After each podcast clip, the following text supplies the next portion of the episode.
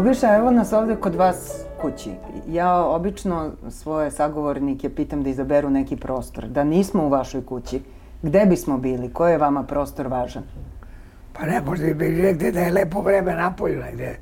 U, ne, u nekom parku ili tako negde, Kalimegdao i to bi bilo lepo ili a kada ne da. A sad kad smo kod najviše, najprijatnije je kod kuće ovde. A, da sam i u radio stanici stalo imao obično tamo intervju, jeli. Ovde mi je najbolje kod kuće. Nekako sam opušten i mogu lepo da pričam. Kad ste počeli da živite ovde?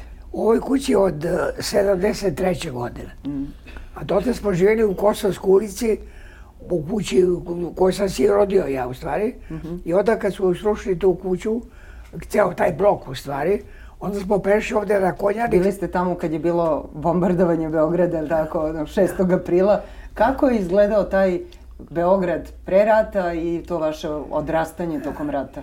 Uopšte je misli cijela kraljevina Jugoslavije i Beograd pre sve je bilo stvarno izvaredno. Mislim, ja ne znam da je pole prište budalaštine ovog na koji tamnici narod tako da je imale Jugoslavije stara imala jedan standard, perfektan, divan, mislim, lepo se živjelo, bile slobode. Ja govorim sa svog gledišta, jel, pošto je dete iz jedne imućije građanske kuće, To govorite o onoj kraljevini Srba, Hrvata Srba, ne Hrvata, da. Ja sam rođen u vreme kraljevine Srba, Hrvata i Slovenica, a onda od 29. godine se zvala Jugoslavija, prozvala da, Jugoslavija.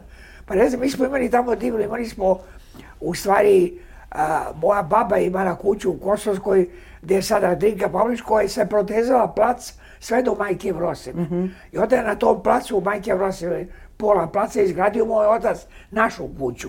Tu smo mi, od, useli se 29. godine, onda se rodila Anuška, moja, se, moja sestra, a posle, kad je bilo bombardovanje Nemačko 6. aprila, kuć, bomba je pala ispred same kuće na pola metra i kuću ovako prepolovila potpuno na pola. Tako da je samo srubila skroz onaj jedan deo, ostao je jedan deo sa ove strane kosmovske, a sa ove strane je bilo potpuno nestalo sve. Tako da, posle smo neka tu zakrbili tu kuću, smo se više u njoj nismo mogli da živimo, ne posle što izdata rekvirira, posle ono, posle rata više se nije znalo šta je, tu smo, mislim, ni besmisno bili da živimo, a smo živjeli dotle vrlo lepo, bile je divna kuća, mi smo na sprat sa pet soba gore, klavir, salon jedan, imali smo jedan čip indel, salon jedan salon, salon Louis Kenz i bi stvarno bilo divno, božanstva smo živjeli. Tata je bio ovaj, jedan od najboljih beogradskih advokata, zarađivo je dobro. Tako bi, bi stvarno se imali smo dobro društvo.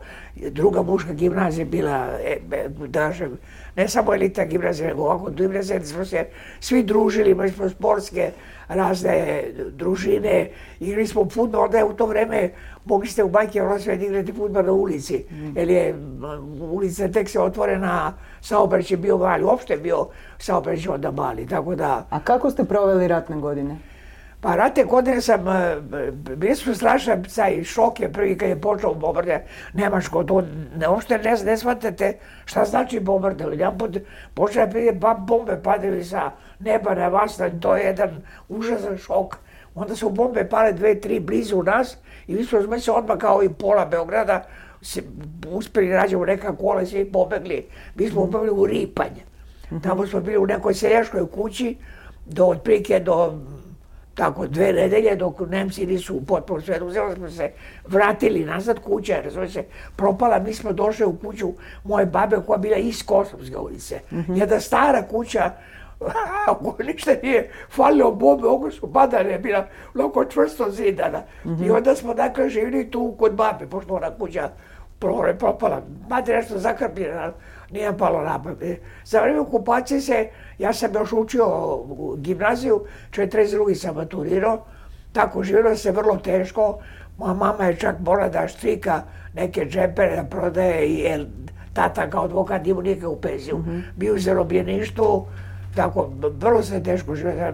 Usto je bilo mislim, opasno za mene. Okupacija je nešto za mene posle, kad sam maturirao 42. ja sam bio da čovjek bez legitimacije, tu fakulteti nisu radili. Mm -hmm. Ja sam tako strepe uvek na ulici, jer me odvedu neki borski rudi ili u Nemačkoj ili ko zna nekog taoca ili eto, bilo je Bilo je strašno. Bilo. A kada ste se opredelili za muziku? Pa, za muziku ja sam već pre rata imao, pre rata sam svirao klavir u ozbiljnu muziku. Mm -hmm. Ali sam onda počeo da učim gitaru kod Mirka Marković, to je bio najbolji džez gitarista predate Jugoslavije, jel? Posle otišao u Ameriku i kod njega sam gitaru svirao džeza, a na klaviru sam svirao ovaj, klasičnu muziku. Mm -hmm. Međutim, počeo sam, ona je se upočeo kupuno ploče, bile da radja u, gde je Korzo, bioskop, onaj u Buda Albanije, tu je dole prodavač neke Brunswick ploče, gde su bili Count Basie, Duke Ellington i mm. tako, najbolji džez i onda sam, tata mi je kupao ploče, imali smo onaj gramofon za me, ja sam tako slušao i to preko ploča, e, a, uživo sam se, a, za internacionalne žeze sam pre, pre, za vreme leta u Vrnjačkoj banji su bili po raznim tako ovim hotelima uveče mali sastavi koji su svirali, ne znam, saksofon, truba, bubanj, gitar, svirali muziku za igru, u stvari džez, ali kao muziku za igru. Mislim, nije bio to koncertni džez. Pre rata nije džez uopšte bio muzika koja se sluša. To je bila muzika za igru pre rata, taj mm -hmm. džez. Kod nas, jel, mislim, ne volim u Americi. Tako da se tu zarazio, eto, prvi put džezom i onda sam, posle za vreme okupacije sam svirao u nekom malom sastavu na a, radio stanici ovaj Zender Belgrad, što mi je posle moglo da me košta dosta, ali sam svirao tako da imam da se spaštam u drugi razne stvari i da neku paru zaradim. Mi smo živjeli vrlo teško za vreme okupacije. I posle sam onda rešio da osnovim orkestar. Imali smo ma, mali razne orkestre. Onda smo išli po Beogradu i skupili sa svih strana ljude, pitali smo ko šta svira i uspeli skupimo uh, pet saksofona, uh, tri trube, tri trombona, klavir, bas, bubo i gitara, znači big band. I to je bio, Dinamo se zvao Big Band, to sam ja ostao, to je prvi Big Band u Srbiji uopšte. Tako da... A negde sam čitala da ste bili uh, uhapšeni jednog trenutka i proveli u zatvoru nek... Ne... A da, bio sam odmah Kada? posle rata na neku, posle, mislim, rata, posle oslobođenja, bili na neku denunciaciju, su me uhapsili iz doma omladine. I odveli u, za, u, u zatvor Ozne, preko puta Kalenić, kafane, Baba Više ulica, tu dole u podrum. I ja ni sam ne znam možda za... To je verovatno bila prije, posle sam utvrdio da je zbog neke devojke, nešto tako, neka nameštajka bila. I onda tu sam bio, dok nismo saznali da je taj uslednik e, preko e, mog e, kuma, odnosno kuma koga je tata krstio, a koji je bio planinar, a u isto vreme bio i član partije pre rata, on je to mislim kao i taj islednik pozvao I ja dođem iz zatvora, kaže on meni, zašto je u zatvoru? Pa kažem, ne, ne znam ja. Kaže, kako ne znaš? Pa ne zatvarao mi ljude te, tako. Pa reko, možeš da sam svirao za okupacije. Tako je, kaže. Mi smo ratovali s Nemcima, a ti si Nemcima svirao. I tako, mislim, potom, mama koja je došla, pa vidi mamu, vidi mama stoji u, a strašno sudar dva sveta. Ovo izgledi u uniformi, ovdje ja mama u kao astraganskoj budu, ako, gospodine, vodite ga kuće. I tako me pusti. I što je najsmešnije, taj islednik, ja smo se poslije sprijateljili. On je bio planinar još od pre rata, a moj kum je isto bio planinar i učenima tu i mi smo posle toga taj izglednik je posle izbačen iz udbe, iz ozne bio na golom otoku, sve tako potpuno promenio sve, mi smo se posle družili, on ja išli na skije i planinarenje. Da. A e, bili ste u Beogradu i kada je bilo oslobođenje Beograda. Kako, kako to izgleda? pa e, to je, to je oslobođenje Beograda je bilo prako prilično divlje. Prvo se, e, ja sam bio onda se sklonio, pošto su E, prve ove partizanske jedinice i ruske došle sa juga i, i ja sam bio na Brini, to je na onom prostoru od, ako gledate, od Riju Nione pa e, ove ulicom e, do Siteon, do dole do Dunava, pa onda posle na Savski most. Dakle, taj deo ceo su držali Nemci. Osuplicu da bi mogli preko Savskog mosta Buga. A ovdje su dotle već došli od ozo sa juga partizanija, odavde su dolazili Rusi. Mm -hmm. I to je bio taj jedno, od 15. kad su oni ustali 15.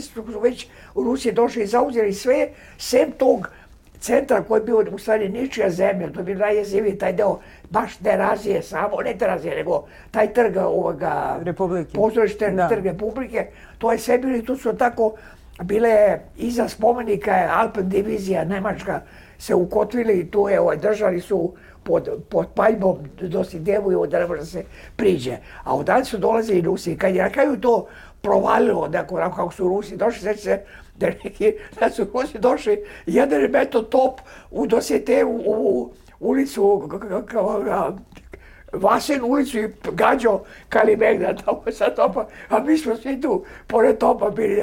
E sad to je, to je sve bilo tako lepo i bila euforija i sve lepo, onda je počelo najstrašnije, mislim, a, u stvari neka osveta ovih a, partizana, od oni ljudi koji su otišli u partizane, e, prema onime koji su ovde ostali, koji su počeli se smatraju kao da su neki Nedići ili bar neka osveta zbog toga što su oni bili u šumi, a mi ovde sedeli i ipak bili u dobre kuće. I to je mm. bila da jedna ružna, mislim, ova, ružan period, taj jednog tako divljanja, o, o, o, prosto su mnogi ljudi tu izgubili glave, apsolutno nisi šta uopšte.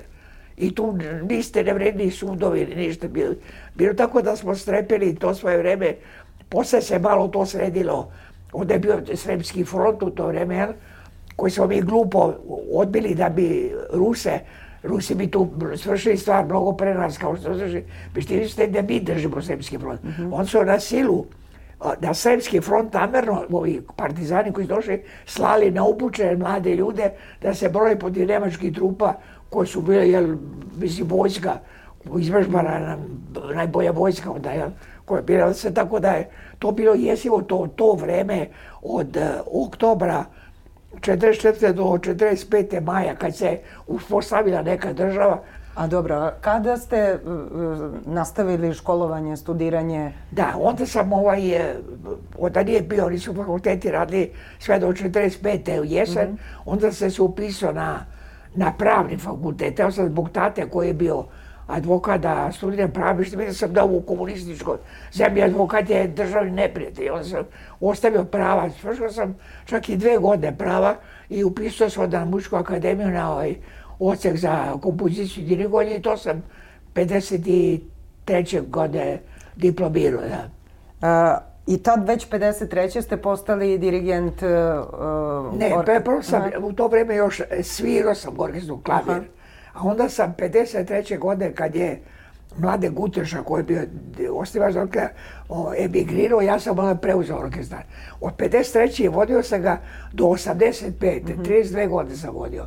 Posle su došli još i drugi direkti pored mene, Zvonimir Skerl, onda kasnije Stjepko Gut i tako dalje, ali ja sam bio u stvari šef dirigent 30 godina tog jazz orkestra. A koje godine je osnovan jazz orkestar? Jazz orkestar osnovan 48. godine, ali ne kao jazz. U ono vreme nište, nije smeo nije se zove jazz orkestar, mm -hmm. kao se zvao zabavni orkestar. Imao je pored jedne jazz formacije, znači ono saksofoni, sva standardne jazz formacije, zajedno i gudače. Mm -hmm. Isključivo smo svirali uvijek zajedno sa gudačima. Tako ti su gudači na neki način ublaživali ovaj džez i onda bi povrano neka komisija partijska došla uvijek po neku uniformu. I tako i taj je ovaj, osviramo program da čuju prvo vreme, posle više nisu. Osviramo program da ovo, nemoj, to je visoke trube, vrište, to je ono dekadentno i tako. jedan put je, jedan put je bilo smešno, bio ovaj Borozan, on je bio neki, ne znam, neka velika zverka bio je. I kako smo probali neko mesto, onaj jedan trubač mete sordinu, ono, ali vau, vau sordinu, ono. I on kad čuje tu, kad je čuo tu trubu, ovo je, to je, eto, to je pravi simbol gde kad ne znam taj zvuk, vau, to ne ti izbacne, to da ne čujemo ovde više. Tako da bilo stvarno kretenski. Ali onda taj jazz ostan nastavio da radi, svirali smo se prvo ruske kompozicije uglavnom. Mm -hmm. Pa onda našo, onda kad smo se s Rusima posvađali 48. onda smo samo počeli naše i eventualno italijanske i francuske. I tako, nemačka zvoj se ne, američke ne. I onda se nek posle negde tako od 50, dakle ovo je bilo 47. Od 53. godine, kad sam ja preuzeo, smo počeli da sviramo sve, mislim. Da li Ali to? još uvijek, mm -hmm. još uvijek do, do 50 četvrte, pete, sa, zajedno uvijek sa gudačima. On smo se odvojili od Ilija Genić, koji je bio poznati dirigent umore davno, sjajan čovek, on je odvojio gudači, napred da divan gudački orkestar kao Melakrino, na primjer, ovaj David Ross, tako meški, koji je svirao finu muziku za gudače, a ja sam odvojio duvače i napravio pravi jazz big band. Jel mislite da bi, ta, da bi bilo moguće napraviti pravi jazz orkestar da Tito nije rekao Staljinu ne, 48. Pa, u stvari, pravo da kaže, u stvari nema nikako zvanično, nigde niko nije zabranio džez. To bi, mm -hmm. to je mhm. stvar, nije postala nikakva zvanična zabrana džeza. Džez se svirao, izbjegavali su, a kažemo džez, nego zvali zabavna muzika, ali posle mi sami sebe, orkestar koji se zvao Zabavni orkestar, mi smo okrstili džez i najavljivali sa već od 54. godine kao džez mhm. orkestar. Mm -hmm. Dakle, naj, najradikalniji odnos prema džezu bio u Srbiji. Mi smo uvijek bili veći katolici od pape i mi smo uvijek tako nešto plašali svega u Hrvatskoj, a nas u Sloveniji to nije bilo. I mnogo je zaslušan za razvoj džeza u opštoj Jugoslaviji Bojan Adamić, koji je bio partizanski oficir i koji još pre rata svirao džez. On je prvi počeo, e, da kažemo, tek što su topovi zamukli, maju, 9. maja kad je prošao 45 godine, već je u junu mesecu Bojan Adamić osnovo big, jazz big band u Ljubljane, mm -hmm. koji svirao da mislim, to je u nas ono vreme je bilo ludicu da smo predložili tu radi. A kakav je odnos Titov bio prema džezu? Ja sam jedan put kad sam imao 59. godine došao kod, e, bio preki prijem, meni kaže, ostavite u smokingu mesto smo svirali da vas predstavimo predstavniku. Ja dođem, kaže, oni pružite mu ruku, kaže, srećan rođena druže predsjedniče, ide odmah u bife. A meni to bilo, ja priđem, čestitam rođena, on kaže, dobro, onako stoji, svojim je ono u buštinu, puši, rekao, da smem nešto da vas pitam. Kad sam ja rekao da smem nešto da vas pitam, odjedan put se se sledili svi oni ostalo. Ja rekao, da li je tačno da vi ne volite džez? On ovako odgovori, kaže, ja volim džez, kaže, ali onaj pravi. Onda kaže, bez veze, kaže, malo kad sam bio prošle godine u Sudanu, slušao sam pravi džez, bi se sranje Sudan, a inače, kaže, Amerikanci su komercizovali džez i tako, ostane ono, nije tačno da ne volim džez to je tako nekako, on ja put neki posao džezu u to vreme. A ko su od, to, to postoji jedan period zlatnog vremena kada su velike neke zvezde dolazile. E, onda su, ste radili sa mnogima. Da, onda su počeli da dolaze veliki džez muzičari, prvo su dolazili evropski džez muzičari kao gosti sa našim oksom po jedan, dva, a posle su počeli da dolazi orkestri veliki, mm -hmm. američki. Onda je to već, to je bilo tek od, od, jedne, od 50 i pete, šeste, tako tek onda počne dolaze. I to je bila, razumiješ, senzacija da čujete živi. Prvi je došao orkestar, za pravo čudo, Dizzy Gillespie orkestar, mm -hmm. koji je bio baš oko, onako, džez, oštar džez, 56. godine on imao turneju po Aziji i odjeput ne znam kako su ga naši dojeli 56. godine. I poslali razni nemačke limunade toko okupacije i naši ovi rusko, neki naši tako pesmica, kvazi džez, kad je kad je Dizzy Gillespie svirao Kolačovu universitetu, to je bilo, mi smo poludili kad smo čuli kad je Big Band razvalio Kolačovu universitetu, on je onda bio goza kako primjeri, sećam se mu darovali na poklon opanke i jede bardak sa rakijom. On je posle bardak zakačio ovde i obuku opanke i sviraju drugi koncert opanka. Sa, dakle, to je bio, prvo što smo dobili, dobili smo vrhunski džez 56. godine, kad još niko nije. Ali to znači da to sasvim sigurno ima veze sa našim kako kažem, zatvaranjem prema Rusima, otvaranjem prema Amerikancima. Apsolutno, da, apsolutno. Da. A šta vam je profesionalno, koji vam je taj susret bio najznačajniji? Na, sa, pa, sa svim orkestrima, ja sam posle bio među vremenu, razumiješ, u inostranstvu da slušam neke orkestre, a ovde mi je bio naj, najveći, najveći za mene dožaj uopšte u životu jazz da je bio koncert Duke Ellingtona. Mm -hmm. Zašto meni Duke Ellington je alfa i omega muzike i džeza svega.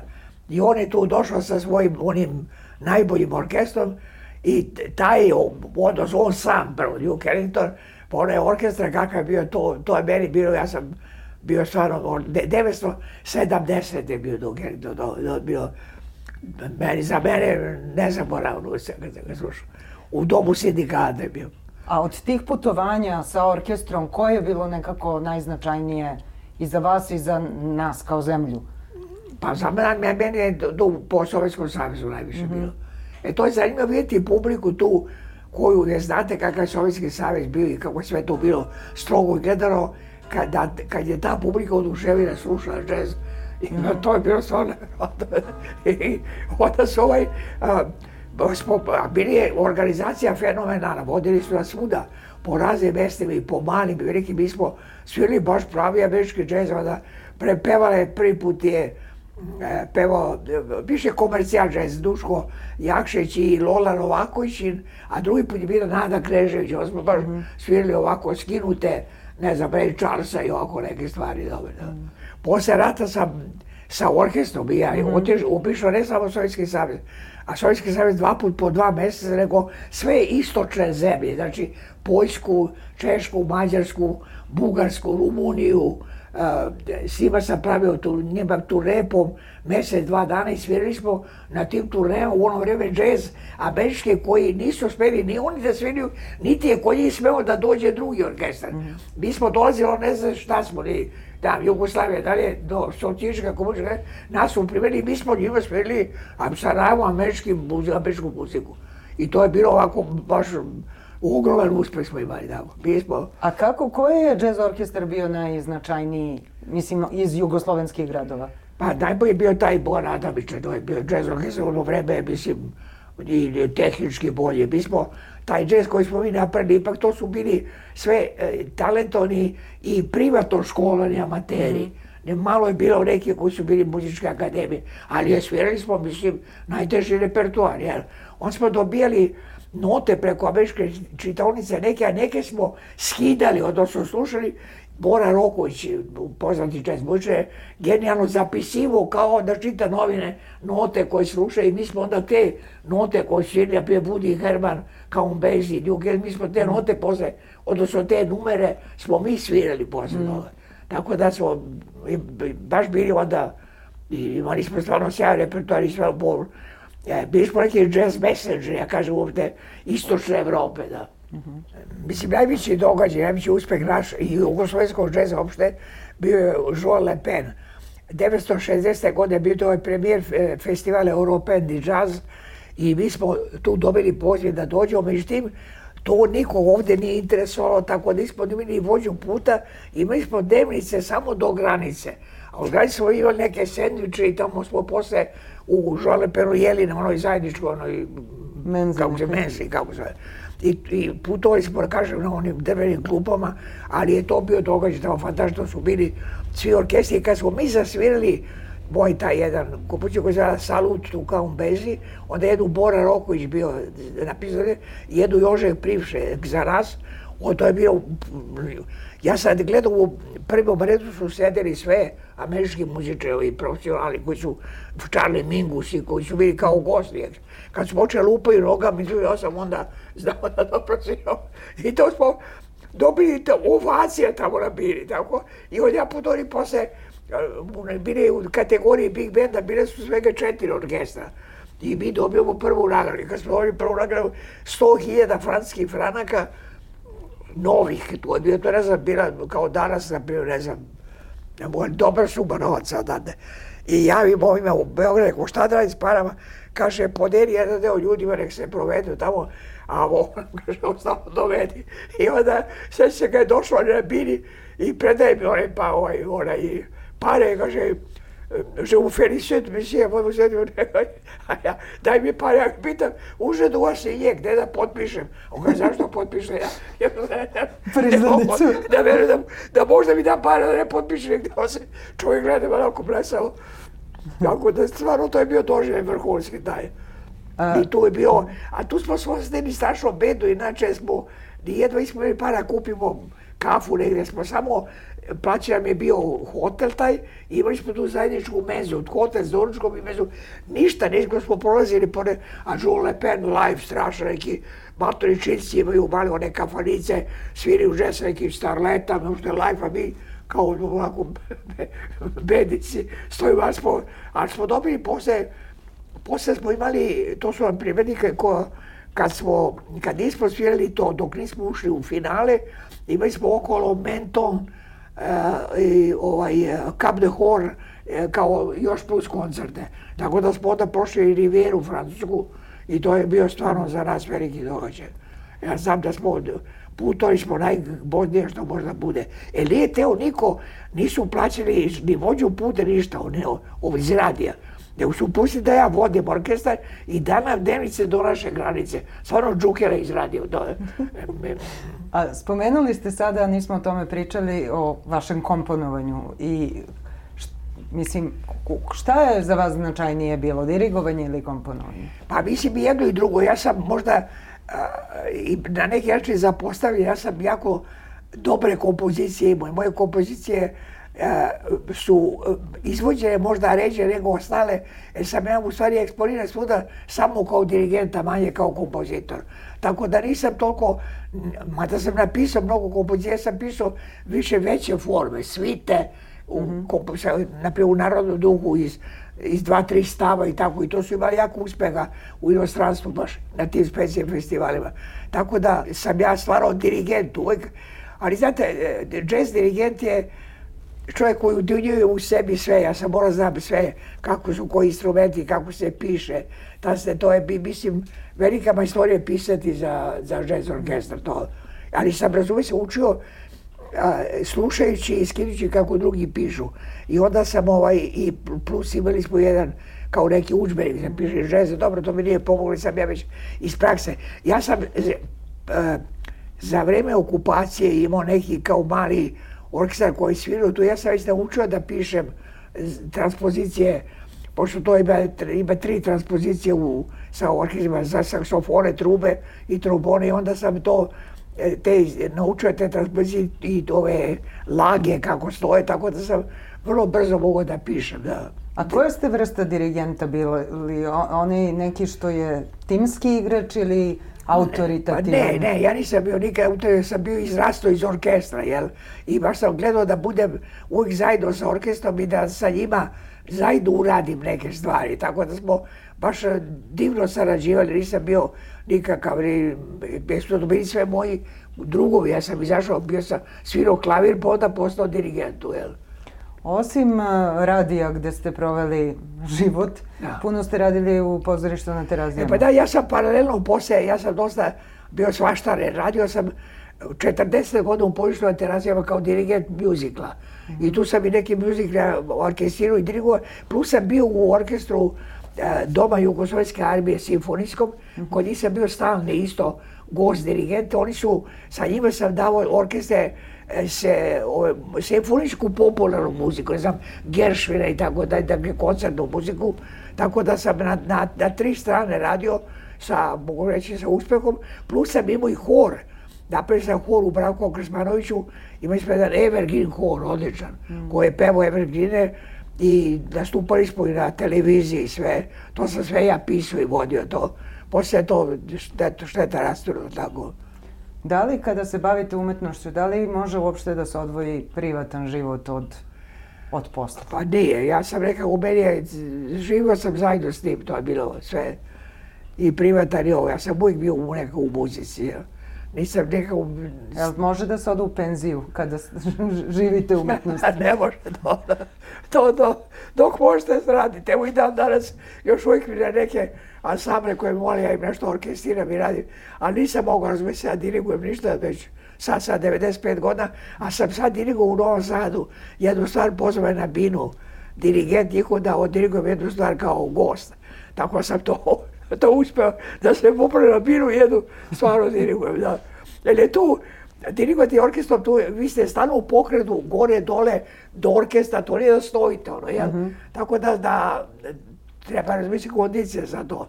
Mada je za mene zaborne bilo kad sam dirigovao simfonički orkestar, kad stoji mirno na onome pultu, na onome praktikablu i dirigujem to je nekako sad danas ne bi mogao stane uopšte praktikabel. Ali ovo što bi se bi još mogao da se muvam po bini ovako malo nešto da, da uradim. A, napisali ste i nekoliko knjiga. Jes, napisao sam, napisao nekoliko knjiga koje su u stvari, ne znam kako ih nazvam, to su neke moje ne, nisu uspeli, nego tako neke pričice u kojima sam ja ili akter ili posmatrač. Memoari. A to su potpuno, ne, neke imaju veze s muzikom, neke nemaju. Ali su zanimljivi jer jedno razdoblje od, na primjer, predrato pa okupacijsko i posle one e, kao, ja mislim su neki dobar dokument.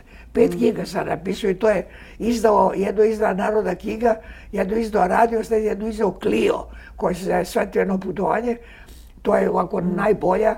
A dve sam poslije izdao ja u, kao sam izdat, dve sam izdao. Ova emisija se zove Prostori slobode, pa je uvek pitanje šta je za vas sloboda? sloboda za mene je ka- kao muzičara da mogu da sviram onaj džez za koji su mnogi misle da je džez koji vas vodi u neki američki nakazni dekadentni život i navike, što je glupo. Ako znači moja da zabra da svi- sviram džez koji za mene prava muzika koja nema nikakve veze sa načinom življenja i nečim koji se ne slaže sa normalnim načinom življenja kao što svi žive. To je bio, to sam Bog želeo to da radim. I da, da to sam se strašno borio, to i držao sam i predavanje i na sve načine pokušao da to objasnim. Pa ste živali slobodno? Jel živite slobodno? Živim, živim, jeste, živim samo vike. Imao sam, ne, mislim, ne moram pisati da sam imao i neke razne od strane ovih uh, prvo vreme partijskih, oni uh, forum, uh, posle od oslobođenja, kasnije malo i od radija, neke primjedbe, nemojte to, pa nemojte to, to je zabavljeno, to ne, ali nisam. Posle sam ja dobio takav, kako kažem, autoritet i takav značaj da meni posle više nije mogo, ovi razni što su brili pričali neke stvari, neki lažni kao neki ovi teoretičari, ovi, kako zove, marksisti i tako da je to više nisam ni, ni obzirao se na to uopšte. Šta bi bio neki vaš savjet ljudima koji, ne znam, mladim Pa, muzičarima koji moj počinju? savjet ljudima prvo e, da s jedne strane da rade na svom instrumentu i obrazovanje drugo da što više slušaju muzike. Jer ja sećam meni moj profesor na kompoziciji na Akademije Rajišić je rekao sve koncerte slušajte i dosadne koncerte. Jer od onoga što slušate ostaće vam 10, 20, 30%, to, to vam znači mnogo. Ja sam slušajući njega kad sam studirao kompoziciju ili na akademiji i dirigo posle išao da slušam sve i tako i ovdje meni da stalno slušati džez, da stalno slušati dobar džez i pratiti šta se dešava u svetu. Ajde, ne, dajte nam nešto, vašu, ne znam, neku omiljenu numeru, šta da slušamo? Šta je vaša preporuka? Pa- S čim da završimo? Ne, moja jedna omiljena ovako veća koncertna numera je bila a, na temu Čaja Šukarija, one ciganske. Ja sam napravio jednu pesmu koju je zvala Igram po šar planinom. Ona je za džez orkestar i solo u bubaju. U, u, to onaj ta re ra ra re re dar. To sam napravio kao, ali u formi e, ne aranžma, nego fantazije. Znači, e, razred prokomponovana ta tema. I to je bilo strašno mnogo uspeha. To smo, na primjer, iz- izvodi Lala Kovačev, onaj buber čuveni naš, u Francuskoj. To je bio, rekli su vam, ne smete da idete na bis.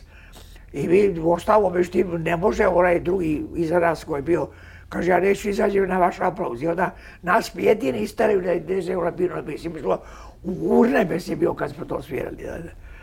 I to sa njihovim orkestrom, jel, koji, malo sam se mučio s njima to, kad sam bio u Holandiji, radio sa holandskim orkestrom za a, Muzikat Keine Grenze, zvala se u, u Berlinu, u Minhenu program, pa sam onda radio neke nepane, na primjer makedonske ritmovi ovo. I onda sam tu morao da tražim način da im objasnim kako se devet osmina svira. Oni nemaju predstavu o tome uopšte. Tako, da devet osmina nisam nikad, da, ko što mislim, evo ja tam, tam, tam, tam, pam, pam, pam, tam, oni moraju da sviraju ta, ta, ta, ta, ta, ta, ta, ta, ta, ili ta, ta, ta, ta, ta, ta, ta, ta, ne možete drugčije delite. I onda su mi rekli ovi, kaže, molim vas, maestro, nemojte nam ti, vi dirigovati, vi prođite s nama to onda kad počne, to mi imamo naš sistem toga, tih neparitma, vi kao onako mašte bez veze šapom, a nemojte da nam dajete prave akcente, se onda mi zbunimo, nemoj, to im je nešto potpuno neshvatljivo. Izgubili ste me odavno, ja to ništa ne pratim sad što mi pričate. Ajde da, da, da za kraj, hoćete da nam odsvirate nešto? Ajde, ajde, ajmo za klavir. Oćeću jednu moju pesmu koja je ljubavna pesma.